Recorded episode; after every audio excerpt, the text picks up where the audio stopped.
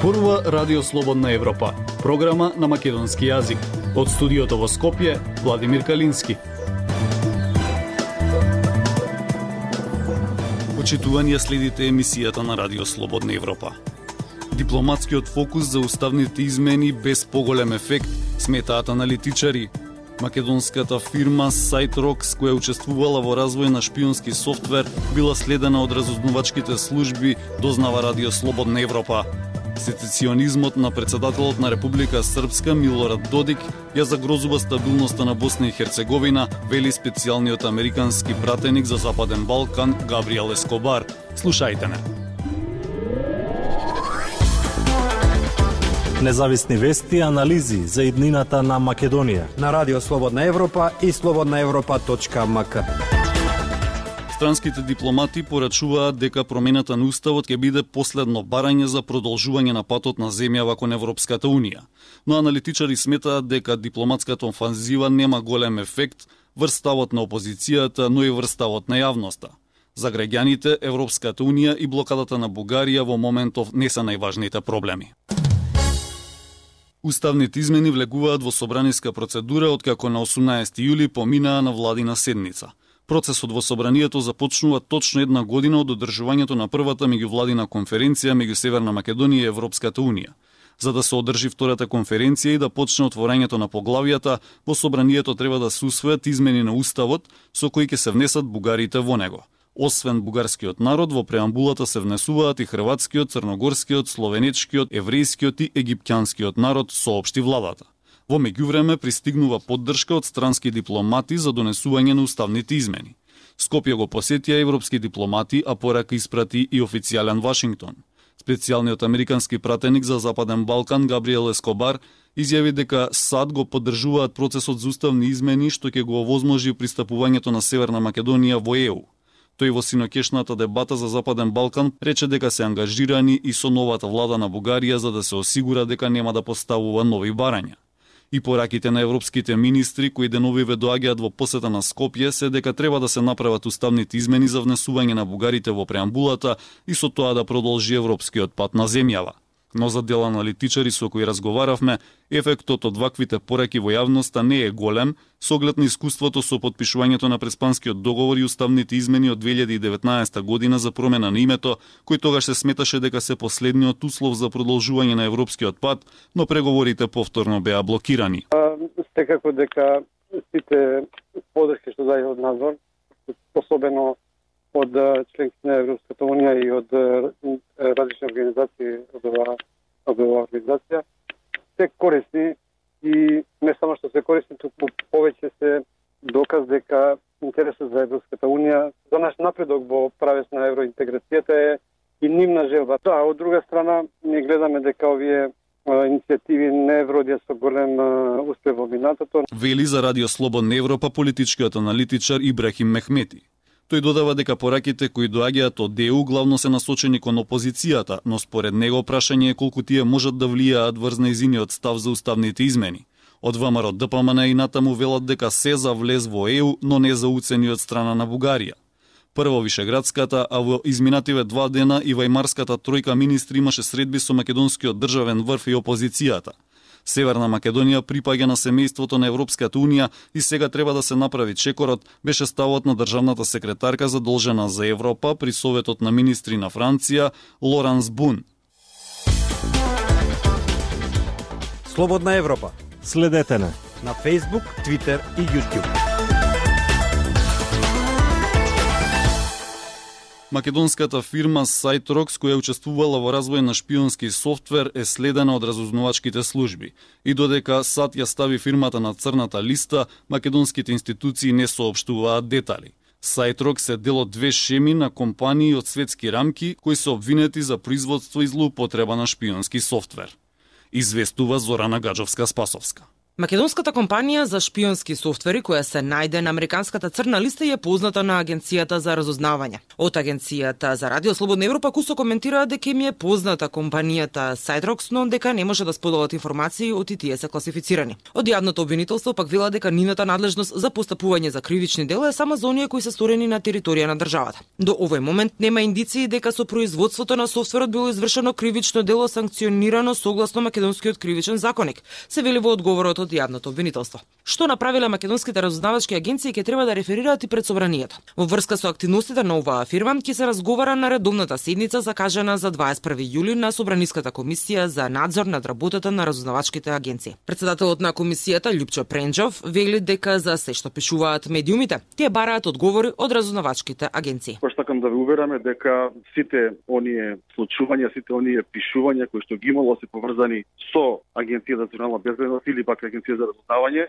како комисија ги прашуваме. Македонската фирма е ставена на црната листа бидејќи учествувала во трговија со сајбер податоци добиени од шпионски софтвер, при што се загрозува приватноста и безбедноста на луѓето и компаниите. Според Стеј департментот, македонската Сайтрокс, заедно со други три фирми, Интелекса во Грција, Интелекса Лимитед во Ирска и Сайтрокс Холдинг во Унгарија, се третираат како безбедносен ризик за Соединетите држави, поради злоупотреба на софтвер за шпионирање. Овие четири фирми кои се на американската црна листа во изминатиот период беа посочувани како дел од иста групација која го развила и продала малициозниот софтвер Predator, со кој се инфицираат и следат телефонските уреди низ светот. Оваа фирма, покрај на американската, пред две години беше ставена на црната листа на социјалната мрежа Facebook за шпионирање на корисници на оваа платформа со малициозен софтвер. Улогата на македонската Сайтрокс во светските скандали со прислушување нималку не е мала.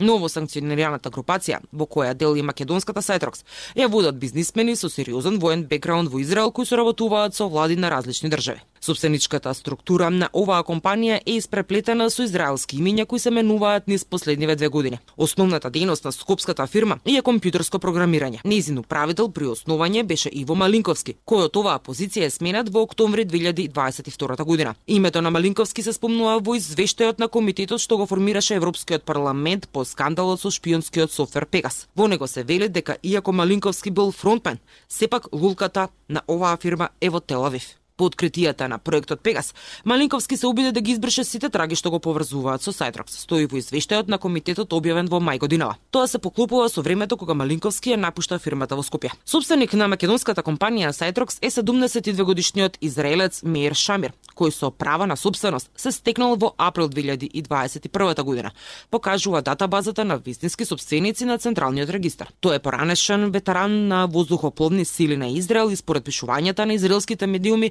го носи епитетот на контроверзен бизнисмен. Откако е ставена на американската црна листа, Сайтрокс нема да може да тргува со Соединените американски држави во области на компјутерски софтвери и дигитална технологија, а има и минимален речиси непостоечки пристап до можностите за финансиски трансакции со фирми во Соединените американски држави.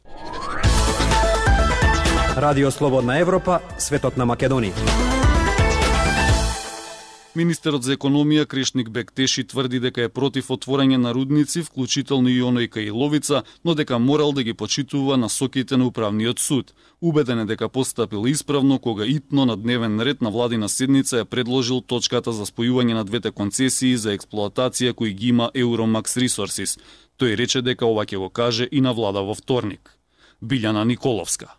Министерот за економија Крешник Бектеши се врати од пат во сад и не пред владата, туку пред медиумите на брифинг објаснуваше зошто е побарано и одобрено спојување на две концесии за експлоатација на бакар и злато од компанијата Euromax Resources до Скопје за рудникот и Ловица. Тврди дека Министерството само го почитувало законот и насоките дадени од управниот суд. Уште сто пати да се повтори оваа ситуација, уште сто пати би одлучили идентично. Дециде не Бектеши. Тој пред новинарите го презентираше целиот процес за добивање две концесии за Иловица. За првата, постапката започнала во 2005 година, а завршила со подпис на концесијата од тогашниот министер Зоран Ставрески во 2012 година. Но откако фирмата во 2016 година побарала дозвола за експлоатација што е финален чекор, Министерството за економија во 2019 во време на Бектеши како министер ги одбило со образложение дека документацијата е некомплетна, па било донесено решение за раскин. Иницијативата за втората концесија била отпочната во 2009 година. Ги поминала исто така сите фази и по позитивното мислење од Министерството за животна средина, за транспорт и врски, За внатрешни работи, Министерството за култура, Министерството за земјоделство, општините Босилево и Новосело и одлуката за давање на концесија била подпишана од тогашниот премиер Никола Груевски во 2015 година. Кога во 2019 повторно било побарана дозвола за експлоатација, повторно било донесено решение дека документацијата е некомплетна. Во меѓувреме, во два наврати, фирмата побарале да се спојат двете концесии, и тоа во 2018 и 2019, но по предлогот за спојување немало одлука. Токму тоа вели Бектеши дека е причина што сега во 2023-та управниот суд донел одлука дека мора да се одлучува по најновото барање за спојување на двете концесии но министерот за економија не кажа конкретно пред новинарите зошто на седницата на 27 јуни, кога цела влада гласаше за соединување на одлуките, тој како министер предложил итно носење на оваа одлука, а останатите, како што рекоа, без да знаат за што се работи, гласале. Владата на 27 јуни гласаше двете концесии да бидат споени. Првата за експлоатација на бакар и злато на локалитетот Иловица во општина Босилево, а другата исто така на локалитетот Иловица, но која зафаќа дел и во општината Новосело. Ваквата одлука предизвика силни реакции во јавноста, особено од активистите кои се борат против отворење на рудник во Струмичко. Актуелности свет на Радио Слободна Европа. Специјалниот американски пратеник за Западен Балкан Габриел Ескобар изјави дека САД ќе ги употребат сите можни средства за да го спречат председателот на Република Српска Милорад Додик да ја одцепи Република Српска од Босна и Херцеговина. Тој исто така порача дека Косово и Србија треба да ги исполнат своите обврски според договорот за нормализација на односите. Марија Тумановска Председателот на ентитетот на Република Српска Милорад Додик останува фокусиран на укинување на Дејтонскиот мировен договор и уставот на Босна и Херцеговина, рече во Вашингтон Габриел Ескобар, заменик помошник државен секретар на Соединетите држави. Обраќајќи им се на членовите на Комисијата за надворешни работи на представничкиот дом, Ескобар зборуваше за постабилноста и безбедноста на Западен Балкан и за позициите на американската политика. Упорните сецесионистички антидемократски активности на Додик ја загрозуваат стабилноста, безбедноста и просперитетот на земјата и поширокиот регион. Тој посочи дека САД ќе продолжат да бараат одговорност од сите оние кои го подкопуваат Дејтонскиот мировен договор или го загрозуваат суверенитетот, територијалниот интегритет и мултиетничкиот карактер на Босна и Херцеговина. Остануваме цврсто во нашата поддршка за канцеларијата на високиот представник во користењето на овластувањата во Бон за борба против законите за Дејтонскиот мировен договор. Обраќањето на Ескобар во Вашингтон доаѓа во момент на една од низата политички кризи во Босна, откако владата на Република Српска усвои закони за неспроведување на одлуките на Уставниот суд на Босна и Херцеговина во тој ентитет, како и за необјавување на одлуките на високиот представник таму. Едно од прашањата што конгресмените му го поставија на Ескобар се однесува и на тоа зошто нема посериозни санкции за оние кои го загрозуваат територијалниот интегритет на Босна и Херцеговина. Конгресменката Ин Вагнер подсети дека САД се гарант на Дејтонскиот мировен договор, нагласувајќи дека мирот во Босна е скап и оние кои му се закануваат мора да одговараат. Таа подсети дека Додик уште еднаш најави одржување референдум за статусот на Република Српска, поставувајќи го прашањето како сат имаат намера да се позиционираат во тој поглед. Ескоба рече дека работи со одредени европски и меѓународни финансиски институции за да се запре финансирањето на оние кои штетат на државата. На прашањето зошто ЕУ не воведува санкции за сецесионистичката политика, тој посочи дека за тоа е потребен консензус од сите земји членки. Значителен дел од извештајот на Ескобар представен во Вашингтон беше посветен и на тензиите на северот на Косово и односите Косово-Србија. Тој подсети дека во февруари и март со силна поддршка на САД, Европската Унија постигне напредок со спроведување на договор на патот кон нормализација на односите. Заедно со нашите европски партнери остануваме ангажирани во Косово и Србија, повикувајќи ги двете страни да ги исполнат сите своји обврски, кои се од суштинско значење за континуиран напредок на европскиот пат. Ескобар посочи и дека Албанија и Северна Македонија ги отвориле преговорите за влез во Унијата, истакнувајќи дека двете земји се сојузници во НАТО. Владата на Северна Македонија се обврза да ги унапреди своите аспирации кон ЕУ со усвојување на уставните промени со кои ќе се признае бугарското малцинство. Како што рече, САД силно го поддржуваат овој тежок но необходен чекор. Тие исто така се ангажирани да обезбедат владата на Бугарија да не поставува нови барања, откако Северна Македонија ќе ги исполни обврските од постоечките договори. Почитувани слушатели, тоа е се што ви подготвивме во оваа емисија. Од студиото во Скопје ве поздравуваат Владимир Калински и Дејан Балаловски.